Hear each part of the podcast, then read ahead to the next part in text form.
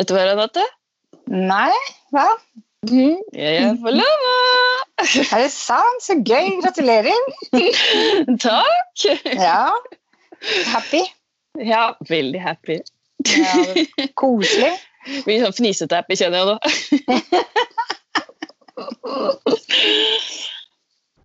Ja, Da kan du bare begynne å vinke med ringen når du ser folk for første gang. ja, ikke sant? Ja. Ja.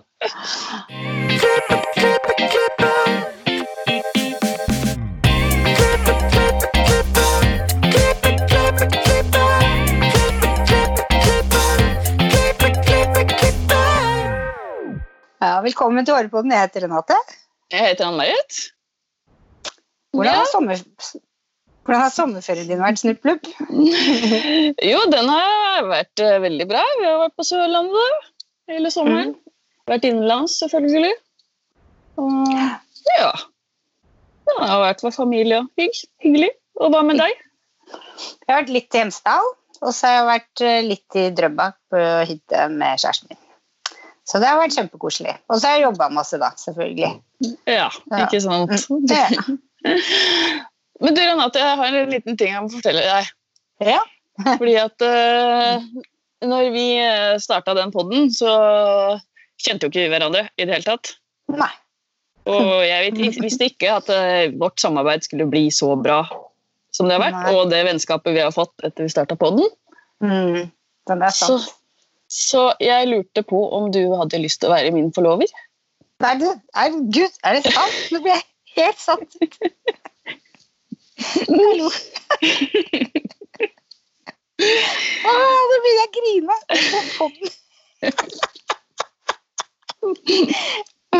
Selvfølgelig vil jeg det. Herregud.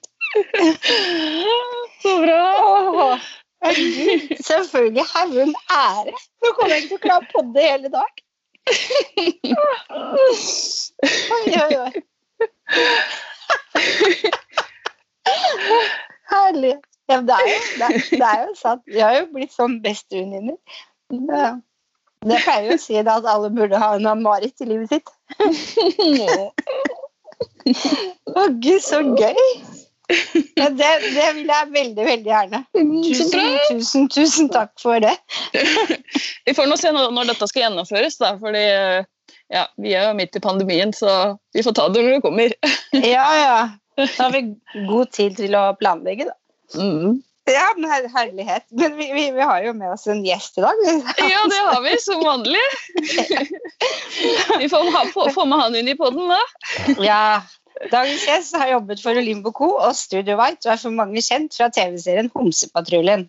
Han var en Oslo-borger i mange år før han pakka kofferten og flyttet til nord og startet egen salong. Og han kan i tillegg synge. Vi gleder oss veldig til å bli kjent med denne mannen. Velkommen til oss, Alex Cornelius Sørensen. Hei, tusen takk. Å, gratulerer, Ann-Marit. ja, Takk! Fantastisk. Å, gratulerer. Gratulerer, Renate. Tusen takk.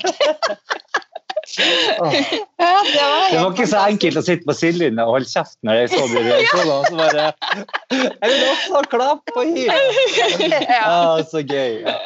Det er kjempeflott. Ja, men eh, kan ikke du starte med å fortelle om deg selv? Så, ja, sånn. Da var det plutselig jobb, Rett på jobbintervju. Ja. Nei, eh, nå sa jo Renate sa det jo eh, introdusert meg så fint, men som sagt, jeg heter jo Alex, og eh, jeg er frisør, og som dere hører, så er jeg jo da egentlig nordlending. Så, men mange, mange mange år i Oslo, og du nevnte jeg har jobba på mange ikke mange, har mange år på eh, av Parabyens aller beste salonger, syns jo jeg, da. Men eh, øh, ja. Så, og jeg kunne selvfølgelig prate i 14 timer om hvem jeg er, men det er kanskje ikke så interessant. Men øh, dere får nesten bare fyre løs, så skal jeg Ja. gjøre så godt jeg kan. Kan ikke du starte med åssen du liksom fant ut at du skulle bli frisør? Kan, hvis du kan starte Nei. der allerede. Det, jeg tror det, Som så mange andre så tror jeg man kanskje skjønte det ganske tidlig. Det har jo noe med den her interessen kommer jo ikke av eller jeg tror de færreste får den interessen av å sitte på skolebenken og hmm, det her var jo perpendikulært, det var jo spennende. Det vil jeg Nei, det starter ikke liksom ikke der. Jeg, jeg, var sikkert tolv år, og jeg sto liksom eller det finnes masse bilder av det også. Jeg sto liksom på nyttårsaften og, og rulla opp håret til venninnen til mamma. Eh, og, og, hadde liksom formsansen fra barnealder. Tegna masse og driver fortsatt mye med musikk og sang. Og sang, musikk, eh, tegning og ja, det, det, er det estetiske som var liksom ganske dominerende fra tidlig, tidlig alder. Så, så jeg, jeg, visste ganske tidlig. Og så er jeg jo en av de som kanskje var litt redd for myke Altså jeg er jo blitt 43 år, så, så man var jo fortsatt i i en tid der det var veldig feminint å bli frisør. og Det er dessverre kanskje for mange fortsatt. Eh, men eh, uansett så tenkte jeg torde liksom ikke å begynne på frisørskolen da jeg var ferdig med ungdomsskolen. For jeg tenkte liksom, nei, da får jeg det her stempelet og alt det der. Og jeg visste jo at jeg var homo, men jeg, men jeg, men jeg ville jo ikke at noen andre skulle vite det. Så, så jeg tok liksom den safe eh, allmennfagveien og, og også litt musikkstudier før jeg da gikk frisørskolen til slutt. da. Og det angrer jeg jo ikke på. Så, eh, men jeg har jo vært frisør i herregud, vi er jo i 2020, så det er jo 20, over 20 år. så så man begynner å bli gammel. det er så uvant å høre deg med den dialekta der. ja, ja, jeg vet det. Jeg kan godt, jeg kan godt prate litt østlending på deg også, hvis du vil. Nei, det går fint. Ja. Uh, men så flytta du ned til Oslo? Ja, i, som, som, sagt, i ungdomsalder. Eh, så jeg har jo egentlig levd hele mitt, sånn, hele mitt liv der, egentlig. Så, du har ikke vært frisør noe annet sted enn Oslo? Nei, egentlig? nei, jeg, har, nei jeg har ikke det. Oh. Jeg har knapt uh, Nei, jeg har, vært, jeg har, vært, barn her, skulle jeg si. Ja. Mm, så jeg, jeg, føl, jeg, følte jo at jeg vokste opp sånn sett i Oslo. Eh, og det gjorde jeg jo også, for det var jo der alle de viktige årene i mitt liv har vært. Men jeg har eh, familie her, og jeg har min mor og min far som bor her.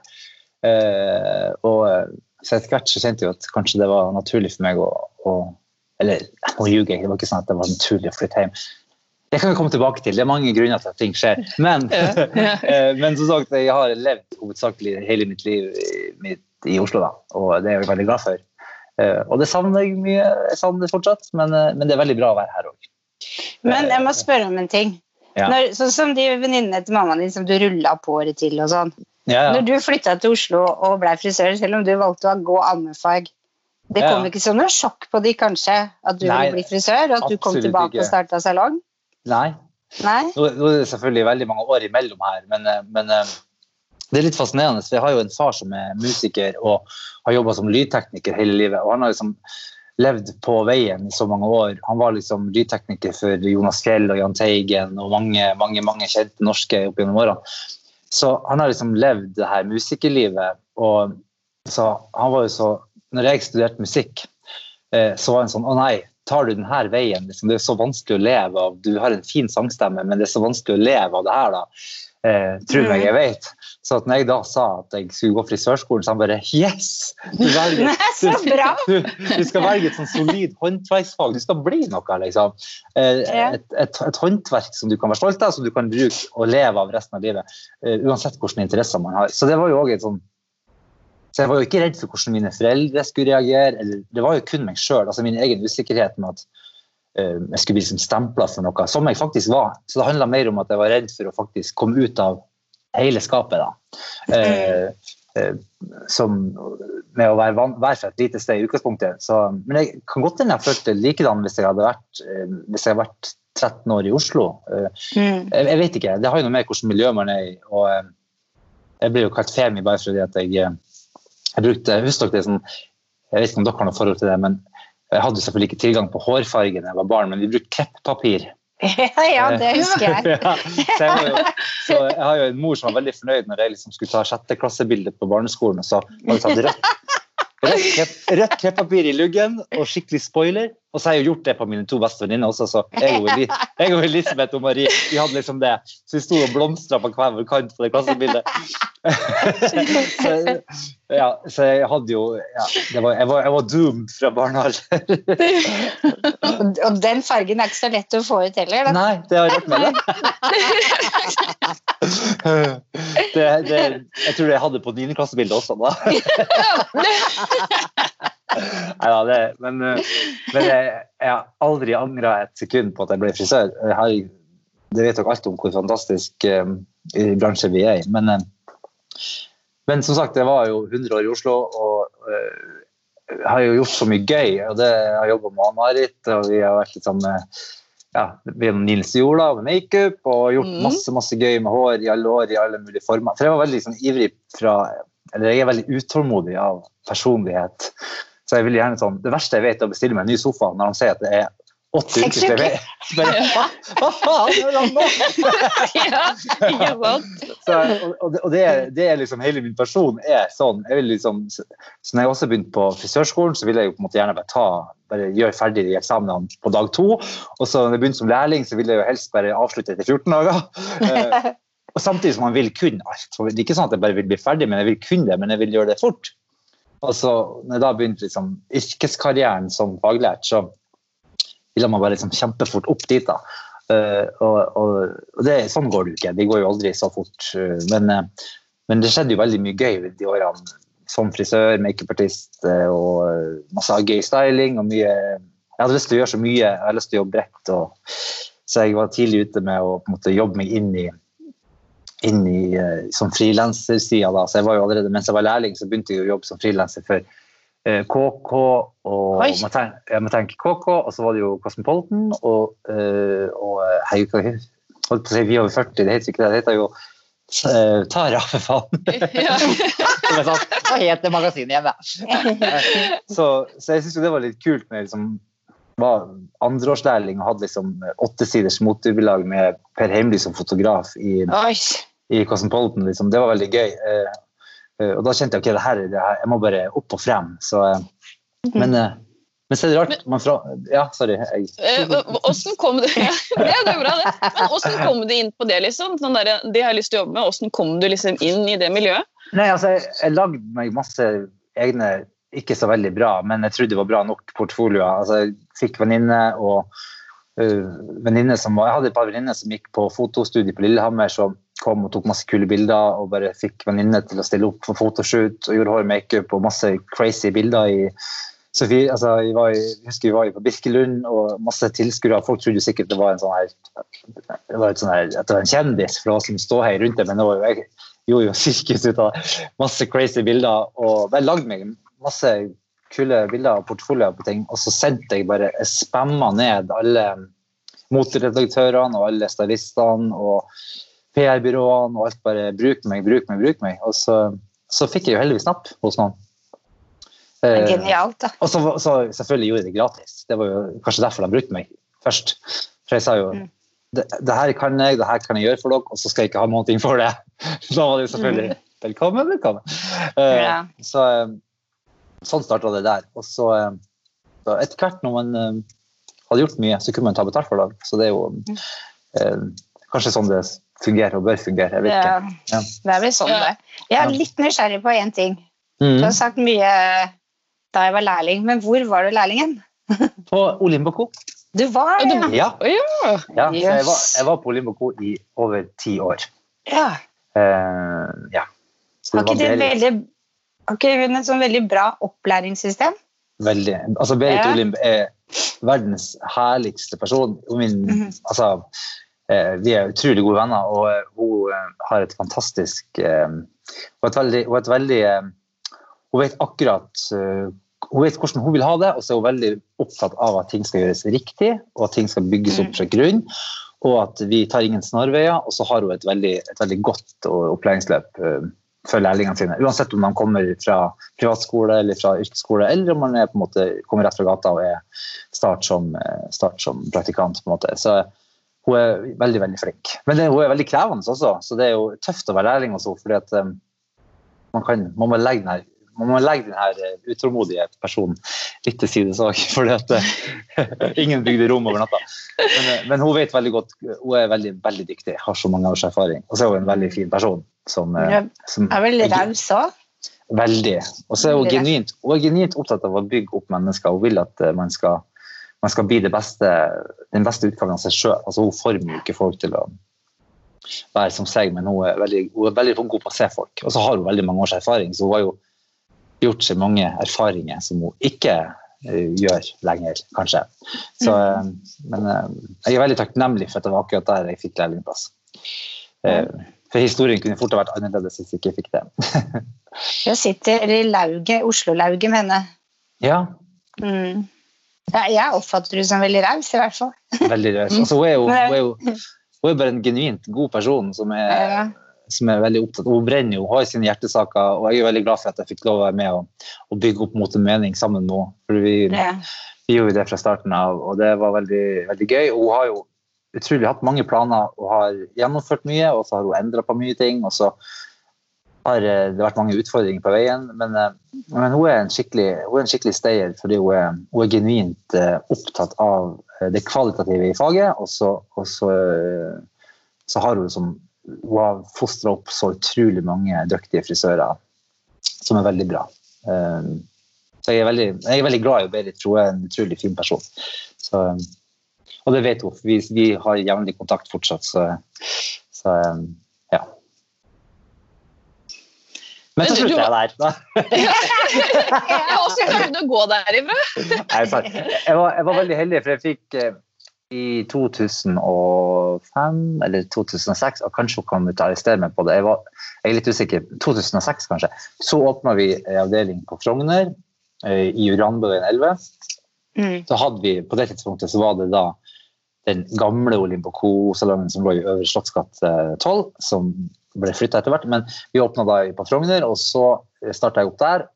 Og så var det litt sånn forskjellige ting. En som jobba der, slutta, og jeg tok liksom over som daglig leder um, der oppe. Og så, um, og så uh, la vi ned den i Slotts gate. Åpna den som er Prinsens gate, uh, som ble den nye flagship-butikken. Og så åpna vi også på, Frø- på, på Grünerløkka uh, etter hvert. Og så um, vokst, var det så stor den i, Den er veldig stor, den i Prinsens gate. Uh, så at um, og den, så var det ja, lang historie kort med husleie, eller med huseieravtale med bygget på Frogner. Så vi fant vi skulle heller bare avvikle den mens leken var god, og så flytte gjengen ned til byen. Gjorde vi det. Og så gikk det noe en viss tid, og så ble jeg daglig leder der nede. Og den var mye større, mye flere ansatte, og jeg følte kanskje litt på, kanskje litt sånn på presset om å være like mye administrativ som jeg var eh, kvalitativ frisør. Uh, ja. Så det var litt sånn vanskelig. Og så, og så oppi alt det her så kom også eh, Det gikk noen år, og så kom tilbudet om å være med på Homsepatruljen på TV3. Og da eh, kjente jeg liksom at jeg trengte å gjøre noe annet uh, i faget, men kanskje ikke bare stå i salong. Så da takka jeg ja til det. Så da tok jeg jo en permisjon fra Olymp i først et år, og så utvida vi den permisjonen med et halvt år til. Eh, Og når jeg, da jobba jeg med TV og, og frilansjobbing, og så når jeg var ferdig, liksom, hadde den kontrakten var ferdig, så, og skulle tilbake i salong, så, så kjente jeg liksom kanskje det var rett å, å, å ikke dra tilbake dit. Fordi at man både hadde vært liksom, daglig leder på et par plasser og har jobba på en annen måte med mange av de folkene. At liksom, jeg, skulle, jeg skulle ikke tilbake som daglig leder, det var jeg helt sikker på. Eh, Og hadde lyst til å jobbe, jobbe mer fritt kreativt i faget med å være mer frilans. eh, Og det tenkte at da er det kanskje greit å være et annet sted. Eh, Litt det her med hvordan dynamikken er med de du jobber sammen med. At, ja, litt forskjellige grunner. Så derfor gjorde jeg det. Da, da begynte jeg da på White Studio etter hvert.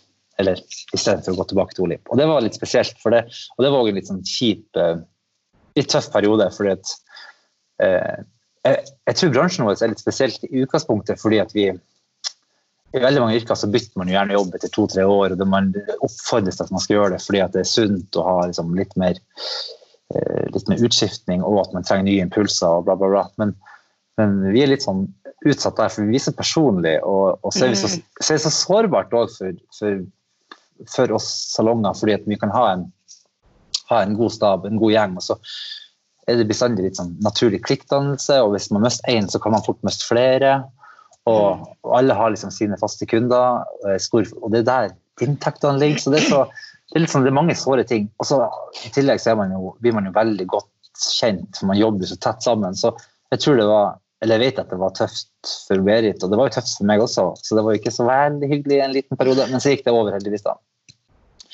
Eh, for det er jo sårt eh, for Ja, det alle. er, eh, det er et, ja, vi er, og så er det så lite eh, Oslo.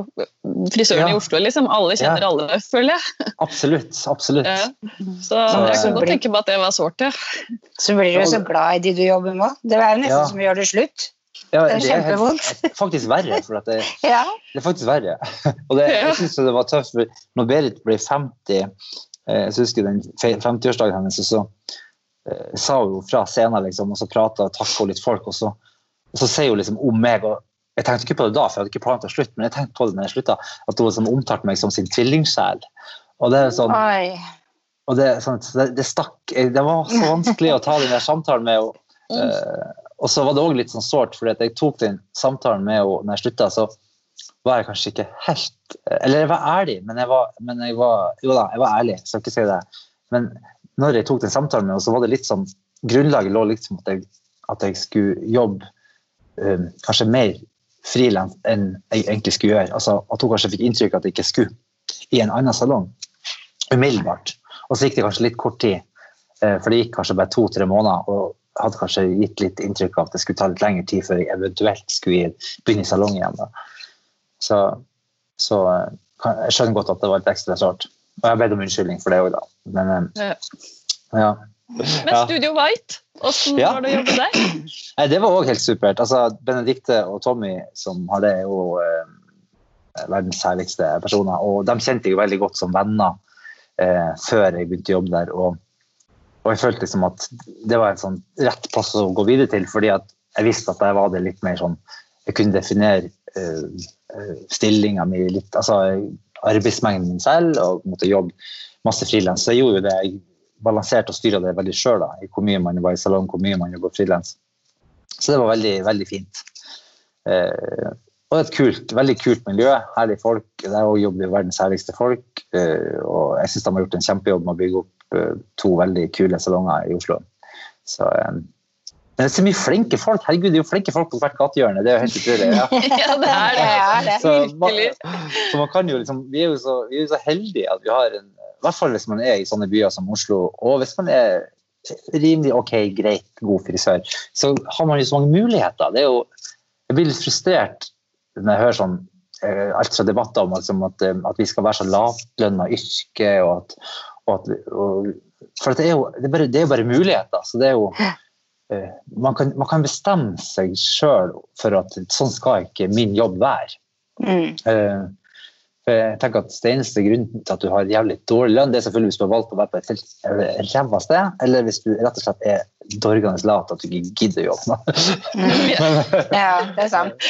Så, Men jeg, jeg vil at vi skal riste av oss. Jeg har hørt så mange ganger sånn Oi, eller faktisk jeg har hørt i banken når jeg skulle kjøpe meg hus, så sier eh, min rådgiver i banken som sier sånn bare Oi, du har jo faktisk veldig god inntekt. Ja, helt normal inntekt, ikke noe sånt jeg er millionær. Du, du har jo veldig god inntekt for å være frisør. Og da var jeg sånn, så har jeg puddene ute med en gang. Så jeg, hva du mener med det? Liksom? Å være frisør, forventer at vi skal tjene 250 000 i året? Hva er det hva du tenker liksom? Nei, det var liksom at, det- at det var et sånt lavtlønna yrke. da. Så det, jeg tror det henger litt eh, Ja. Men det er, det er, Men det er er, det er, Ja. men det er kanskje det yrket som har blitt mest fremma under koronatida òg, da. Oh yes. det, er jo, Ja. det er jo det alle politikere og alle kjendiser alltid har snakka om, det er frisørene sine. Oh yes. Og det, det sier jo alt, da. Så det, Ja. det sier jeg til de som jobber hos meg. Du skal aldri være flau over å ta det godt betalt. Vi har vært savna. Så er det Ja. bare heve hodet og Oh yes. håve inn det du fortjener. Ja. Rett og slett. Er Det er jo fire års skole, da. ja, rett Det er jo det. Ja, med, med fagprøve etterpå. Absolutt. som- Man bruker mange mange år på å opparbeide seg den, den, både den kunnskapen og den, den, altså den kvaliteten man leverer. Det tar mange år. Ja. Og sånn, jeg, har en, jeg har en kollega hos meg som eh, er verdens herligste jente. Det må jeg også si. De være verdens beste. Eh, Og ene sa til meg liksom og sa, Nei, nå er jeg faktisk eh, nå er jeg, nå er jeg, så, nå er jeg, jeg er ikke trygg, men hun sa at nå er jeg, jeg er så, såpass stolt av den jobben jeg gjør, at hvis så var det en herrekunde som hadde sagt liksom det at nei eh, hun hadde dårlig tid en dag, og så sagt ok, kom, jeg skal være supereffektiv, vi skal få til det her. Så klippet hun en veldig god klipp på 15 minutter. Og så hadde hun sagt liksom, det her er ikke vanlig, for jeg, det er ikke sånn jeg jobber, men eh, vi skal klare å få det til. Det går veldig fint. Så har hun vært sånn ja, men herregud, når du bare bruker 15 minutter, så kan du jo bare betale 200 kroner, er ikke det greit?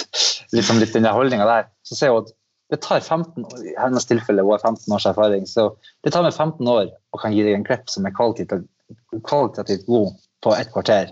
Eh, og det koster penger, liksom. Eh, Eh. For at du, du betaler faktisk for så mye erfaring og så mye kunnskap og så mye ja, slett så mye erfaring, så derfor klarer jeg å levere denne gangen et så godt produkt. Men så er det alt det andre som, som Vi bruker ikke et kvarter, men det er mye andre, andre ting det går på bekostning av. Men jeg har gitt deg en god hårkreft, selv om du har sittet i stolen min bare i 15 minutter. Og det, det koster fortsatt penger. Så eh, Veldig enig. Det, Ja. Mm. det, det, er, det, er, det blir jo forskjell, for at du har jo mer erfaring på en som har- jobba 15 år, og en som akkurat er ferdig som lærling. Liksom. Så, Selvfølgelig. Ja, ja.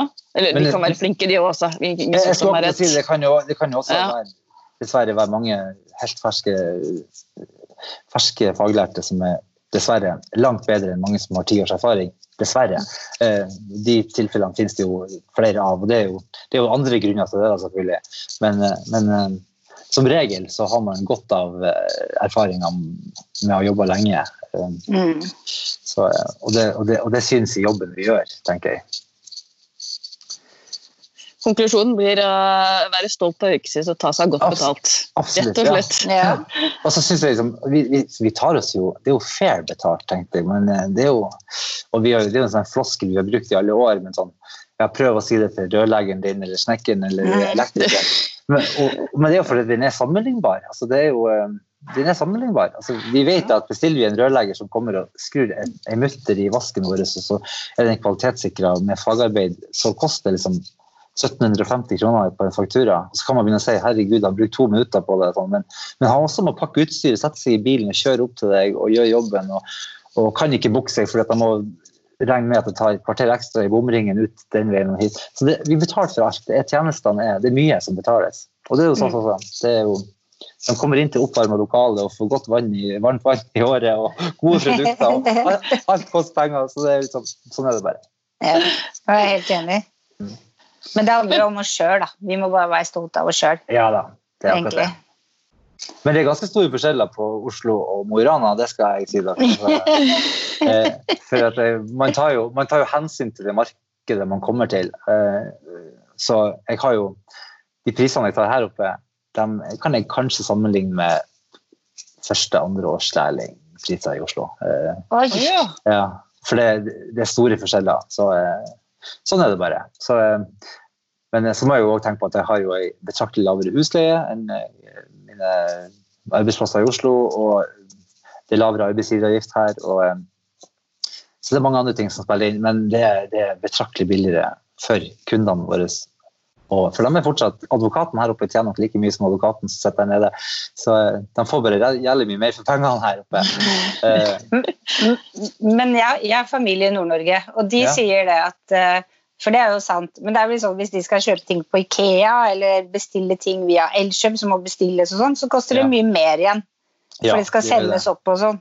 Så der får du jo da, da får du det igjen, da. Men så kan du, så kan du selge i 50 kvadrats leilighet på Grünerløkka. Så kan du kjøpe deg i 300 kvadrats enebolig med dobbeltgarasje. Og så får du penger, så har du, er så har du penger til over, så kjøper du en båt også.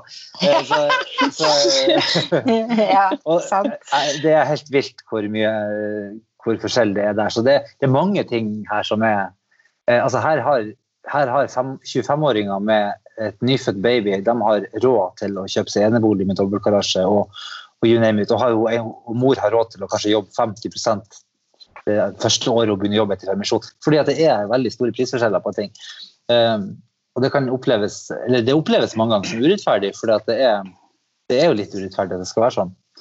Men markedet, markedet styrer jo. Um, men jeg tror, altså, jeg vet at jeg kaster en brannfakkel inn i den nordnorske sjela når jeg sier liksom at folk er litt vel bortskjemt, for man får ting mye billigere her. Man er vant på å få ting for mye billigere penger. Eh, mens, eh, mens når man bor i større byer eh, som Oslo eller Bergen, Trondheim eller you så, så, er man jo, så er man jo vant med at man må betale litt mer for å få, eh, få det beste, få det beste, de beste varen, på en måte. Så her er det nesten sånn at hvis du sier at nei, det blir 300 kroner for en vare som kanskje burde kosta 1000, så sier han ja, men det er fint. Mens hvis du sier i Oslo at blir, jeg tar bare 300, så blir du nesten mistenksom. Hvorfor, hvorfor, hæ? Hvorfor er det så billig? Det her, Ja. nei, det her, det her føles det- ikke bra. Er det fake? Ja, ja sant? Så mentaliteten er litt forskjellig. Så det er mye, mye å jobbe med der. Ja. Ja. Salong, salongen din der oppe, er det liksom Hva, hva er konseptet? Er det luksussalong, eller? Det er ordentlig luksus. Ja. Nei, altså, jeg tenkte først når jeg skulle åpne salong her, så tenkte jeg man må, må jo bare gjøre, man må jo gjøre bruk de erfaringene man har fra før til å skape et sted som ikke finnes fra før av. Eh, for at hvis ikke så er det bare kjedelig. Man trenger ikke bare åpne en, en samme sjappa på nytt igjen, på en måte. Eh, men altså, det er jo, vi er frisører. Det er, det er, jo, det er det vi er her. Vi, jeg har aldri hatt ambisjon om å åpne et sted der det skal være frisører og makeupartister, hudpleiere, negledesignere og you name it. Liksom. For det, eh, det, er mitt, eh, det er ikke min greie. Og så er jeg heller ikke opptatt av at man skal gjøre så veldig mange forskjellige ting. For jeg tenker at man skal være, man skal være stolt av at man er veldig god på sine ting, og så ikke trenger å ta eh, på seg altfor mye andre ting. Eh, så vi er en solid og god eh, kvalitativ frisørsalong med makeupartister. Og så, og så er på en måte fokuset vårt Lokalet vårt er helt fantastisk. Jeg skulle ta dere med på en rundtur her, men jeg vet ikke om jeg kan gjøre det eh, på en god måte. Eh, I mørket. Så, Ja, for du, du sitter jo faktisk i studioet ditt akkurat nå. ja, For de som ikke eh, ser. Da du har masse Så. fine grønne planter. ja, masse masse grønt. Jeg har stor, masse plass. Vi er fem, er fem ansatte her. Og Og vi har- runde speil. og- Jo da, skal vi se om jeg har det litt minutter. Går vi bort her litt i Ah, var kjempefint. Ja, så det, jeg har masse masse space. Jeg har 270 kvadrat eh, og, um, og eh, fem stykk, så jeg har masse space. Så hvis se jeg, kommer. jeg har ikke slått på alle lysene. Det er nesten som Studio White. De også har jo stor Ja. salong. Her borte. Se her, ja. Jøss. Det her er jo luksussalong.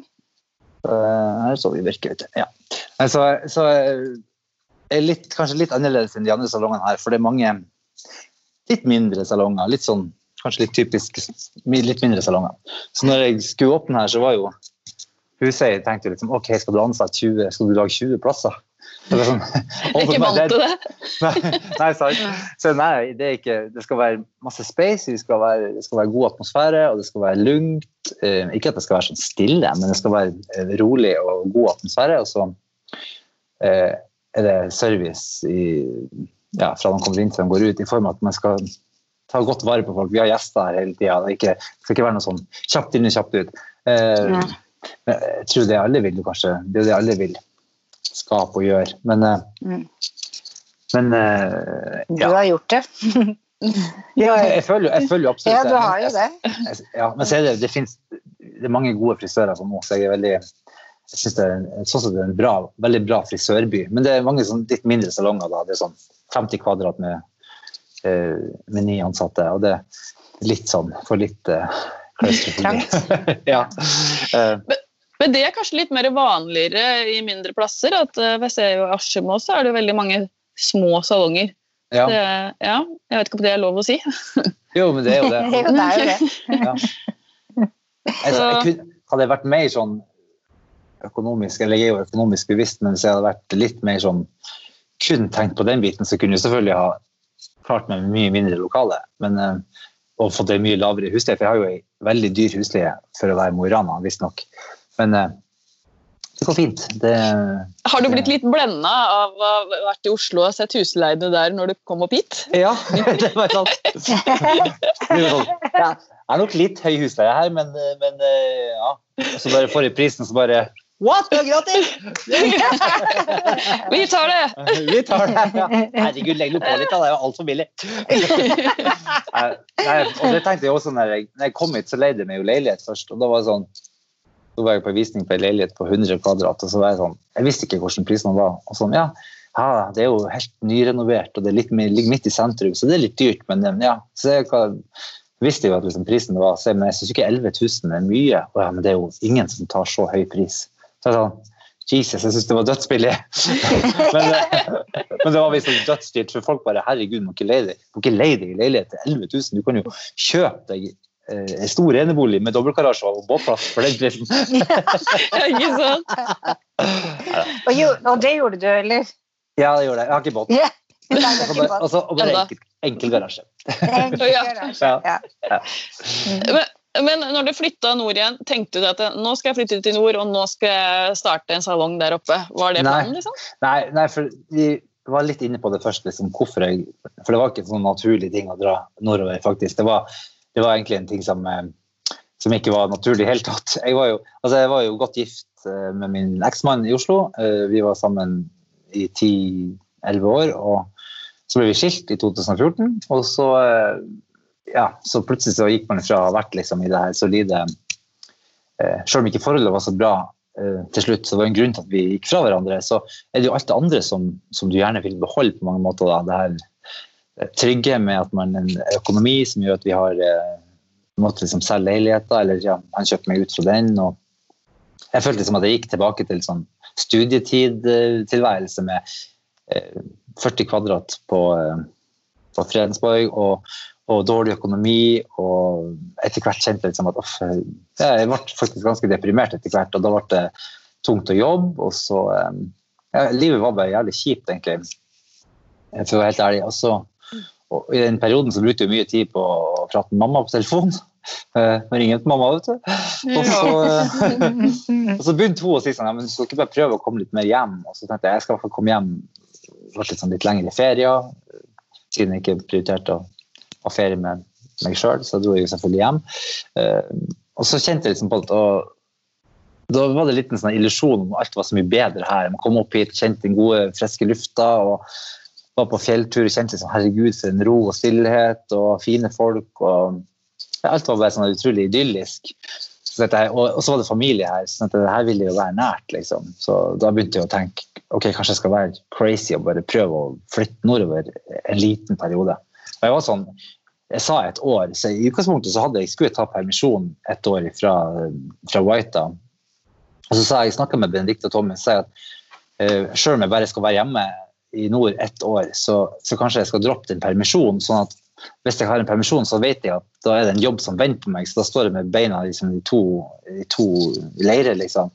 Så at det kanskje er bedre å bare slutte, sånn at jeg frigjør meg helt, og så får jeg heller bare komme tilbake. Eh, og det var jo velkommen til å gjøre, da. Så det, men at jeg ikke får noen forpliktelse der, da. Så, så, og så bare Jeg leide jo leilighet når jeg flytta fra eksen min, så det var ikke noe problem å si opp den. og så bare solgte jeg og kasta alt jeg eide. Det var sånn, jeg fikk skikkelig sånn, jeg skulle bare være skikkelig eh, fri og kvitt med alt det, alle mine eiendeler. Så jeg gjorde det. så kom... eh, Prøve noe helt annet? Ja, og, og det var sånn, jeg var så crazy at jeg kvitta meg med alt. Så flyttelasset mitt var liksom, i stasjonsvognen til søstera mi. Eh, alt fikk plass i den bilen, liksom. Og flytta nordover. Og bare var sånn, tenkte ok, men start på nytt og prøve noe nytt. Og så kommer jeg til å dra tilbake til Oslo med maks et år. Det er ikke noe stress. Jeg tror det var lurt, jeg. Det er jo-. Det er jo helt genialt. For man, man har jo så masse ting man driver og drar med seg som ikke, som ikke gir deg noe, egentlig. Ah, Fyttegrisen, ja. Så kan man heller starte på nytt og få de tinga man vil ha som gir deg god energi. Ja, det var faktisk veldig deilig. Altså bare absolutt alt. Jeg var litt for ivrig, fordi jeg hadde, jeg hadde noen sånne kjempefine, kopp, jeg hadde noen sånne kjempefine kopper som jeg kjøpte på Nespresso-butikken, som var sånn koboltblå på utsida og gullmetall inni sånn kaffekopper. Så pakka jeg jo alt i papp. Eh, De skulle ta vare på i papir, sånn avispapir, og så trodde jeg at det var noe sånn Ikea-glass. Så jeg bare pælma det. Så da jeg, når jeg kom hjem, så hadde jeg trodd jeg hadde tatt dem med meg, så jeg skulle pakke ut i de fine koppene, så var det da fire stygge Ikea-glass isteden. Ja, ja. Drit, På den annen side så er det. jo bra, for du har jo ikke Ikea der du bor. Det er sant. ja, det er sant. Det er veldig langt til Ikea. Herlighet. Så da ble det nord, og så flytta jeg, eh, og før jeg kom opp hit, så hadde jeg prata litt med ei som Linda, som, som jeg har kjent eh, mange mange år, som har en salong som heter Chili. Så jeg begynte å jobbe der umiddelbart når jeg kom opp, da, så jeg hadde jobb å gå til. Og så, og så var det et midlertidig prosjekt, fordi hun hadde to jenter i permisjon som kom tilbake ca. samtidig. Og så var det jo selvfølgelig Jeg, jeg dro hjem eh, Her var i november 2016.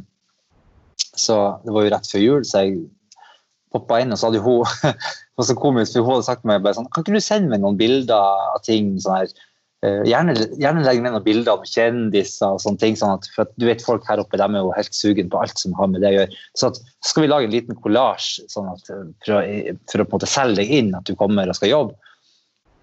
Og så har jeg jo 7000 bilder, og så tenkte jeg ok, jeg syns det er så teit. Liksom, hva, har det, å si om jeg står sammen med Anne Lindmo eller, eller bare et vanlig hode? Det er jo bare hår, sant? Det har jo ikke noe å si, egentlig.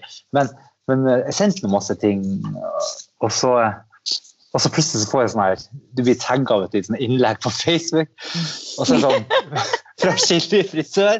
Og det er sånn Vi tar varmt imot uh, Alex Cornelius, uh, bla, bla, og så sendt fra Homsepatrulje, og, og så var det liksom alle bildene jeg har sendt alt var lagt ut. Så jeg får bare sånn, alt. Så jeg var sånn Jesus Christ!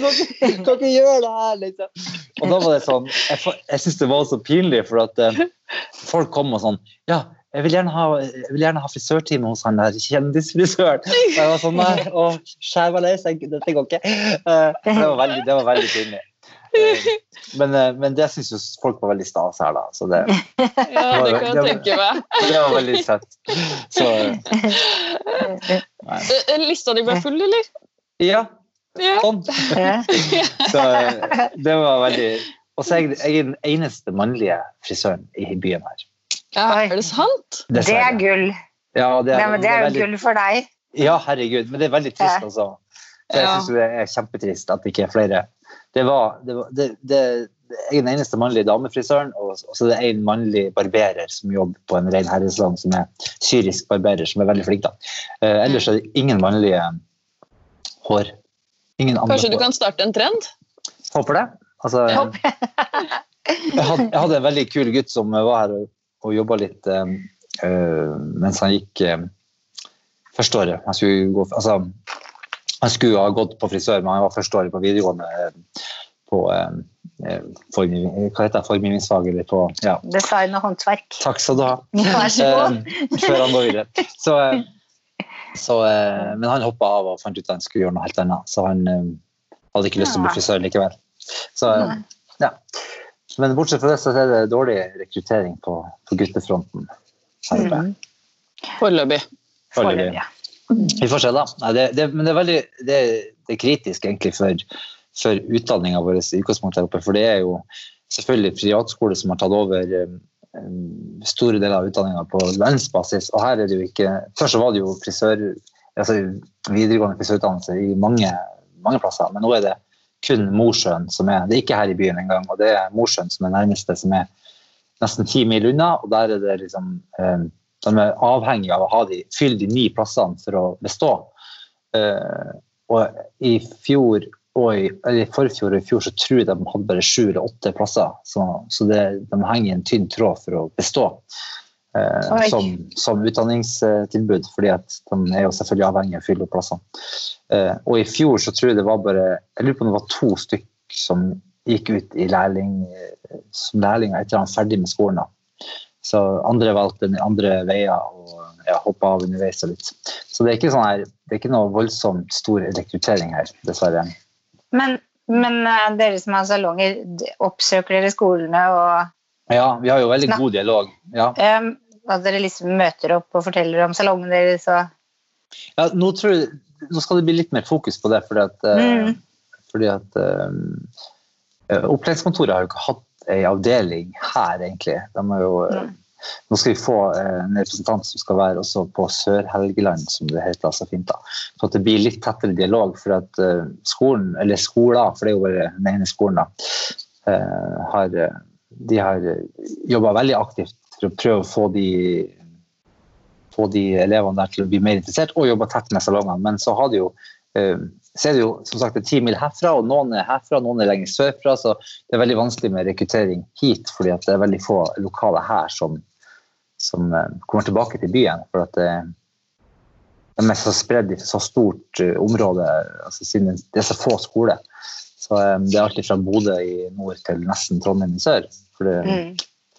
så det er vanskelig å få de få til å bli igjen her. Og jeg skjønner det, for man vil jo gjerne ut i verden med en gang. Mm. Mm. Man har gjort det samme sjøl, så Ja. vi får håpe at det blir bedre. Men vi, vi må snakke litt om Homsepatruljen. Nå har vi nevnt det noen ganger Ja, her. må, må vi virkelig det? er det strengt talt nødvendig? Ok, Det var de følelsene rundt det, skjønner jeg. Nei, jeg har, jeg, har veldig, jeg har veldig gode følelser rundt det. Men det er så lenge siden. Så det føles som en sånn ting som bare var for veldig lenge siden. Og det er jo åtte år siden også, så det er jo, det er jo en stund siden. da.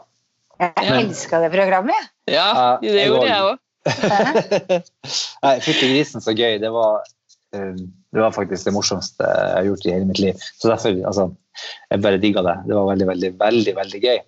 Eh, Så eh, ja. Men, men det måtte ha vært ganske mye jobb, da, i og med at du tok permisjon et helt år for det programmet?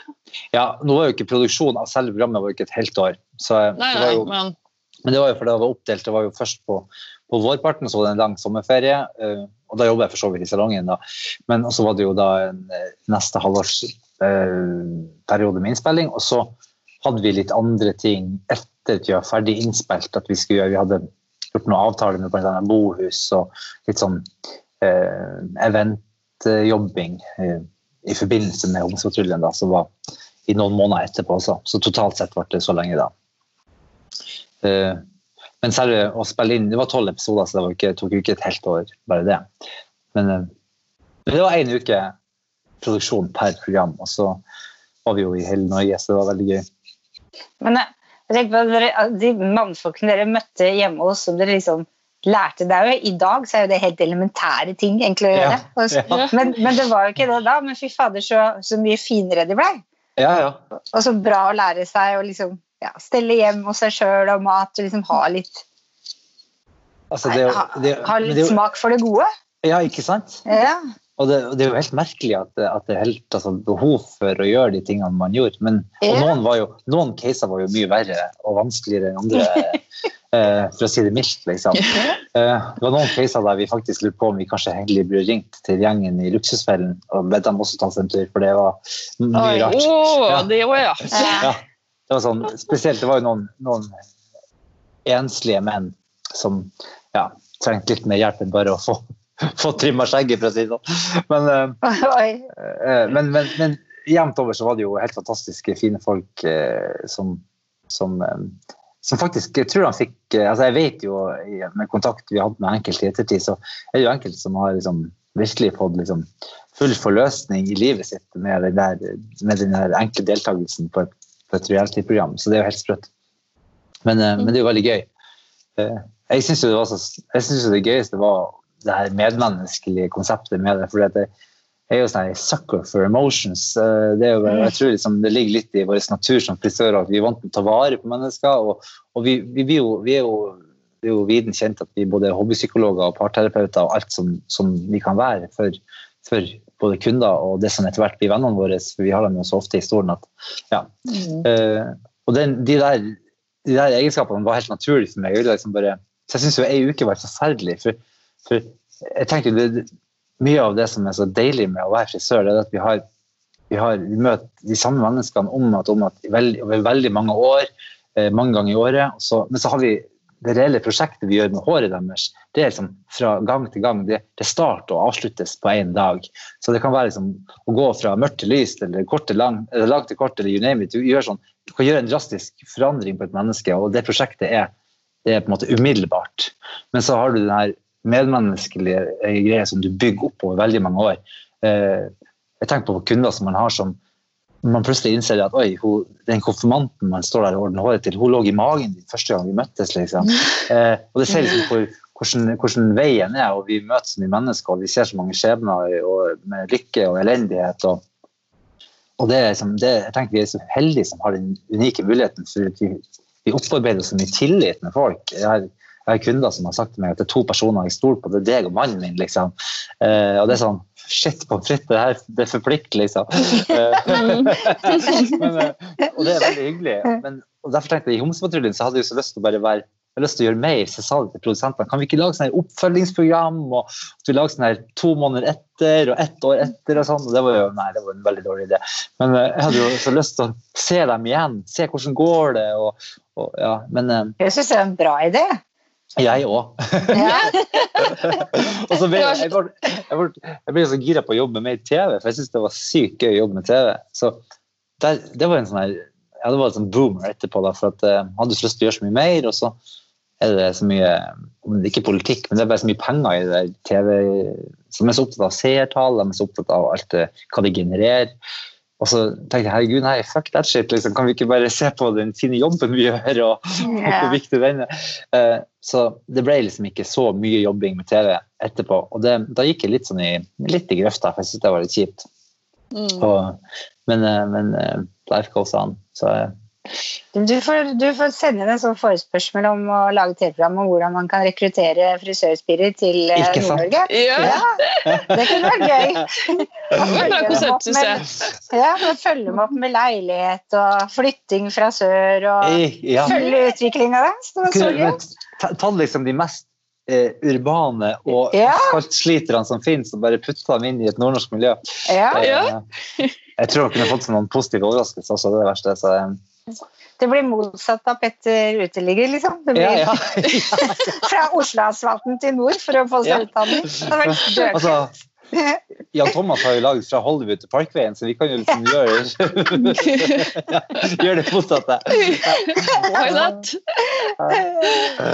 Nei, Men uh, det høres ut som du ikke kommer tilbake til Oslo. jeg ikke si det, for at det, Uff, ja. for det er sånn her, det halmstrået. Jeg, kan, jeg er livredd for å på en måte være sånn eh, jeg, jeg, er ikke så veldig fan av eller Jeg har jo noen sånne reelle planer, men jeg er ikke så veldig fan av sånne femårsplaner av hvor er du da og hvor er du da, for jeg vet jo ikke hvor man er hen.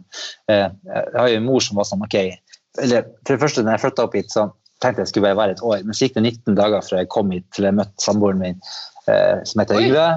Eh, Å, så gøy! ja, jeg var sånn, ok, jeg flytter til nord, jeg skal leve i sølibat, tydeligvis. Her er, det, her er det i hvert fall ikke noen folk. Du har Og 19 dager i sølibat. Ja. og så kom jeg hit, og så jeg 19 dager, og så bare altså, Hadde han bodd i Oslo, så hadde jeg aldri fått han, for han har vært så taken for så lenge siden. For han er dritkjekk, liksom. Eh, men han bare, han, heldigvis for min del så var utvalget begrensa, så at når jeg kom, så var det sånn. Så var, vi, var han tatt, for å si det sånn. Eh, så, eh, og det gjorde veldig mye. Det endra jo egentlig alt med hele min, eh, hele min opplevelse med Mo i Rana også, fordi plutselig så fikk jeg et liv, liksom. Eh, så derfor eh, Så koselig. ja, Ja. det, var, det var veldig fint. Og vi, Men det er vi jo litt sånn det er litt sånn rart noen ganger å tenke på at hvis man velger den veien eller den veien, altså det får to vidt forskjellige utfall.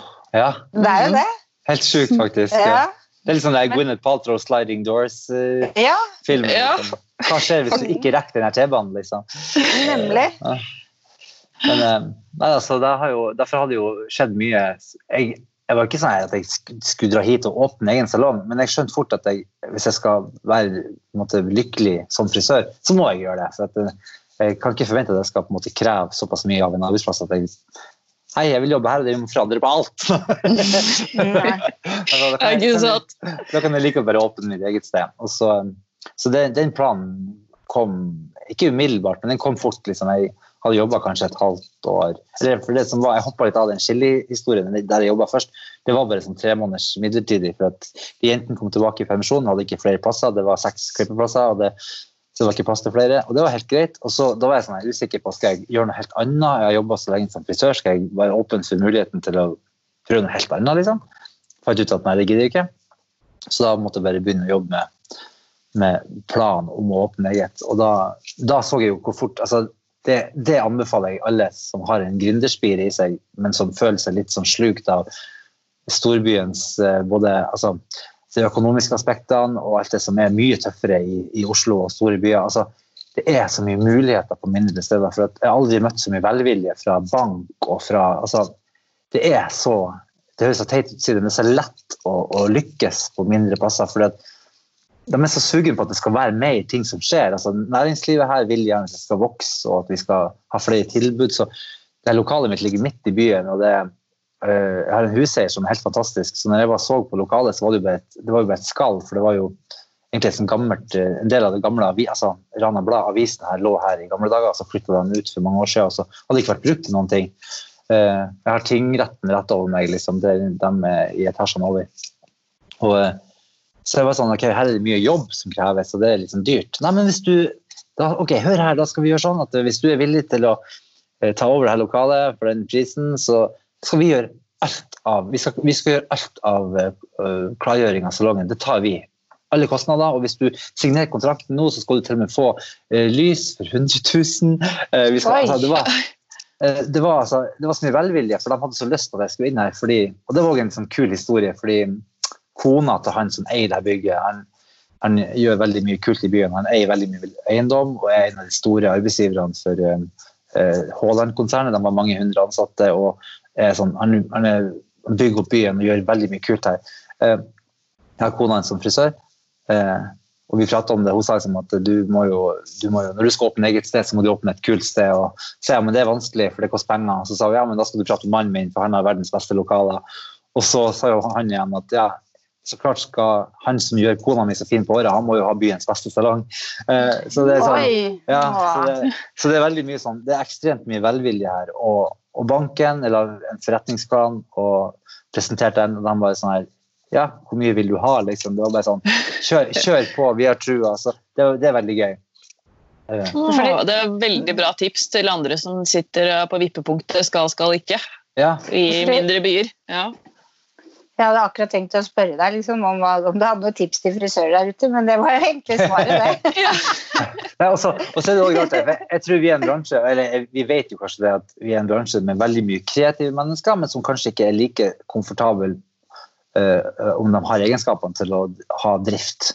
Uh, og det, det, det vet uh, vi som gjør det. At det, er, det, krever mye å både ha ansatte og, ha, og, og drive og drift. Det er mye, mange søvnløse netter og, og, mye å tenke på. og mye å holde men må holde tunga rett i munnen. for Vi har mye vi må forholde oss til, lover og regler som, som ikke jeg har forholdt meg til før, siden jeg ikke har vært eier før. Uh, så, og det er mye å sette seg inn i, men, men det er òg en det er, mye, det er mye jeg, jeg, tror at det, det, er enklere enn hva folk frykter at det kan være.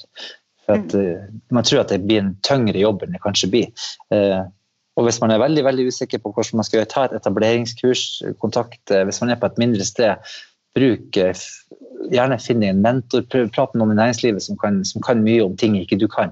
Jeg kunne ingenting om Jeg har aldri vært noe sånn her budsjett og sånne ting. Jeg syntes tall var så skummelt. Så lærte jeg selvfølgelig litt som daglig leder, men sånn på eiersida så er det så mye, så mye å tenke på. Og da har jeg fått god hjelp av min min mentor og, og, og ei eh, som heter Ida, som jeg kjenner. heter Ida Moss, hun, eh, vi er ikke barndomsvenner, men hun kjente søstera mi veldig godt i barndommen. så Hun er dødskul. Hun er, sånn, hun er hotelldirektør, hun, eier, hun er medeier i en uteplass, og hun har et uh, sosiale mediefirma. Hun er sånn, involvert i masse styreverk. Hun har full kontroll på drift. og, og hun er bestevenn med Brønnøysundregistrene og alt. Så det var sånn, så her, ja, Vi to nå skal vi bare jobbe tett sammen, og det, og det det hjalp meg veldig.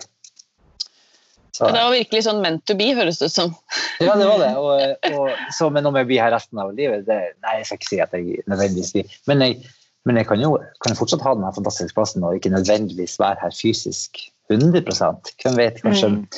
Eh, for jeg savner, jeg savner, Oslo veldig og har alle mine beste venner der. og eh, eh, det, og det er liksom det er hjem. Altså jeg, jeg, er mer kjent i Oslo enn jeg er her. Selv om jeg prater nordlending igjen, og selv om jeg eh, har familie her, så, så, kan folk prate om ting her, og, og jeg har ikke peiling på hva de prater om. Men så,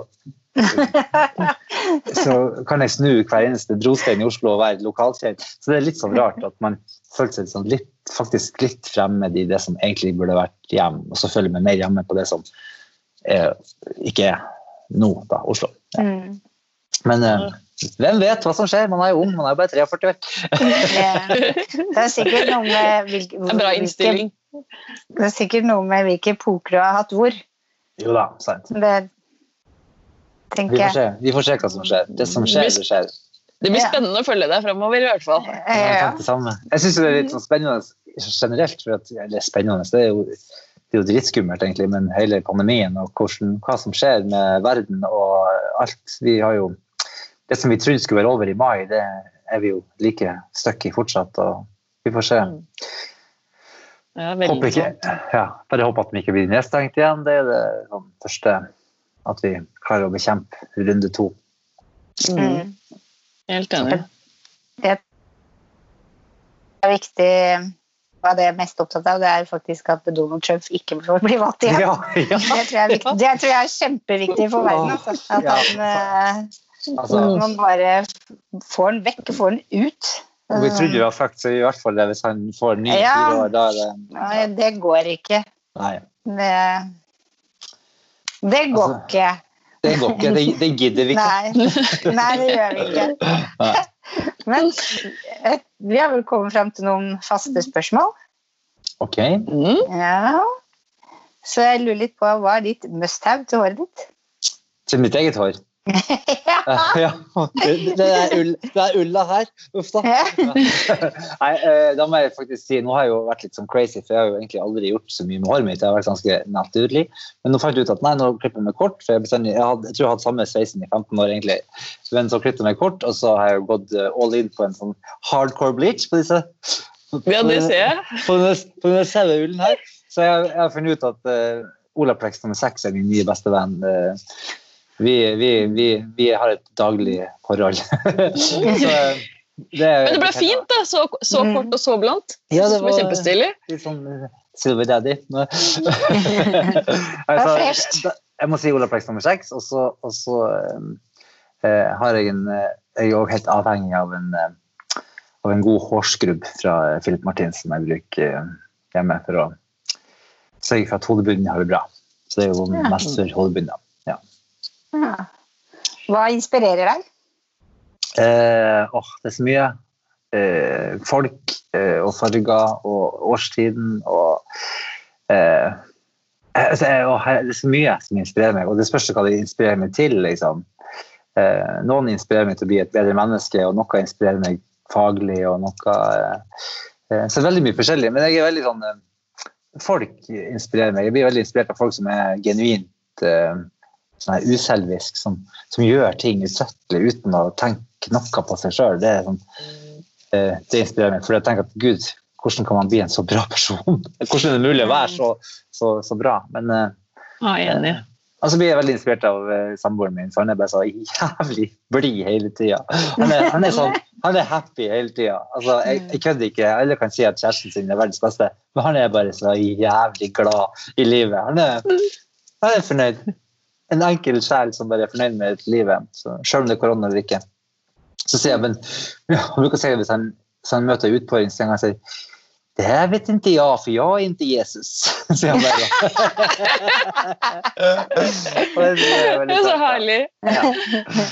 Så, og hvis jeg kommer hjem med en sånn sliten og spiser middag, så bruker han bare kan han putte et sånt salatblad inn i nesa. Så jeg kan du drive på med sånn bare Nei, nå ble du i hvert fall, nå ble du i hvert fall fikk et smil, liksom. Åh, Ja. det er som en bra person. Han jobber i barnehage, så det, ja, det er kanskje derfor. Ja. Ja. Hvor, hvor er du om fem år? Ja.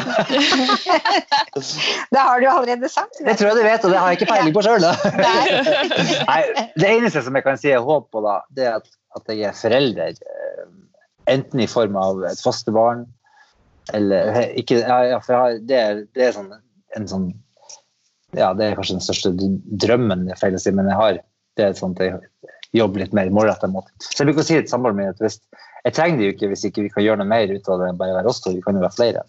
Så, Mm. og, og klokka går, så hvis det ikke hvis det ikke skjer noe snart, så skjer det ikke. Så, men som fosterfamilie så kan man, jo, kan man jo være så gammel som man er uten at det blir awkward. For man kan, altså, ja. Mm. Så det håper jeg jo har skjedd, at vi kan si om fem år at hils på hun og han, kanskje. Ja, det var koselig. Ja, det hadde vært koselig. Ja. Ja. Ja, nå ble jeg litt satt ut. Det hadde vært kjempehyggelig. ja. Ja. Så, jeg håper jeg du, jeg håper du har et godt ekteskap om fem år. Da. Ja. Det har du nok absolutt. eh, Ja. Ja, ja. Hvor er det vi finner deg på sosiale medier? Da går dere på Jeg veldig sånn Jeg har ikke så mange forskjellige sosiale medier, men det er sånn Instagram og Facebook som gjelder. Men Instagram, der er det eh, Alex Cornelis, med understrek bakerst. That's it. Og så på jobb-Instagram så er det da Studio Mo i Rana. Eh, så inn på Studio Mo i Rana og sjekk ut hva de flotte folkene her gjør. Så, eh, og så har jeg en jeg, hadde en TikTok-profil som jeg tenkte skulle være kul, men så ble jeg så irritert når jeg så at USA skulle liksom stenge ned, og alt sånt, så jeg sletta den sånn her, i protest mot, Trump. Og så har jeg lasta ned noe som heter Thriller, som er amerikansk, amerikansk versjon av TikTok. eh, Men jeg har ikke brukt det til noe, så det, det, skjer, der skjer ikke en dritt. Jeg er ikke noe TikTok eh, Nei. om dagen, skjønner jeg. Syns du det? Men jeg, jeg, man skjønte at man burde jo ha vært det, for når jeg så denne saken her sånn, Dette tjener de fem største på TikTok, så er jeg sånn 16 år gammel og har 50 millioner i årsinntekt. Så blir det sånn Damn Wow. you! Ja. Nei, sykt. Det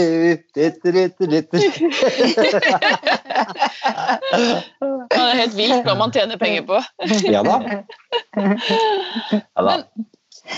Tusen, tusen takk for at du kom hit og delte historie på Skype.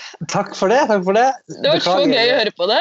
Jeg har, jo, jeg har jo generelt sett munndiaré, så da fikk dere en time, en time med wow. Det var fantastisk. Det var, fantastisk. Det var bare Det var kjempegøy å høre på. Takk. Det var Veldig hyggelig å, å være med også. Veldig hyggelig å se deg igjen, Anne, og veldig hyggelig å hilse på deg, Renate. Takk i like måte. Ja. Ja. Så håper jeg våre veier krysses snart igjen. Ja, det håper jeg. Det hadde vært hyggelig. Og så må vi jo be lytterne gi oss stjerner på iTunes og abonnere på podden vår. Og så følge oss på Harpodden på Instagram og Hårpodden på Facebook. Det syns jeg var en god idé! Det var en god idé! Fem stjerner umiddelbart. Fem stjerner. Så høres vi neste uke. Det gjør vi. Ha det. Ha det. Ha det.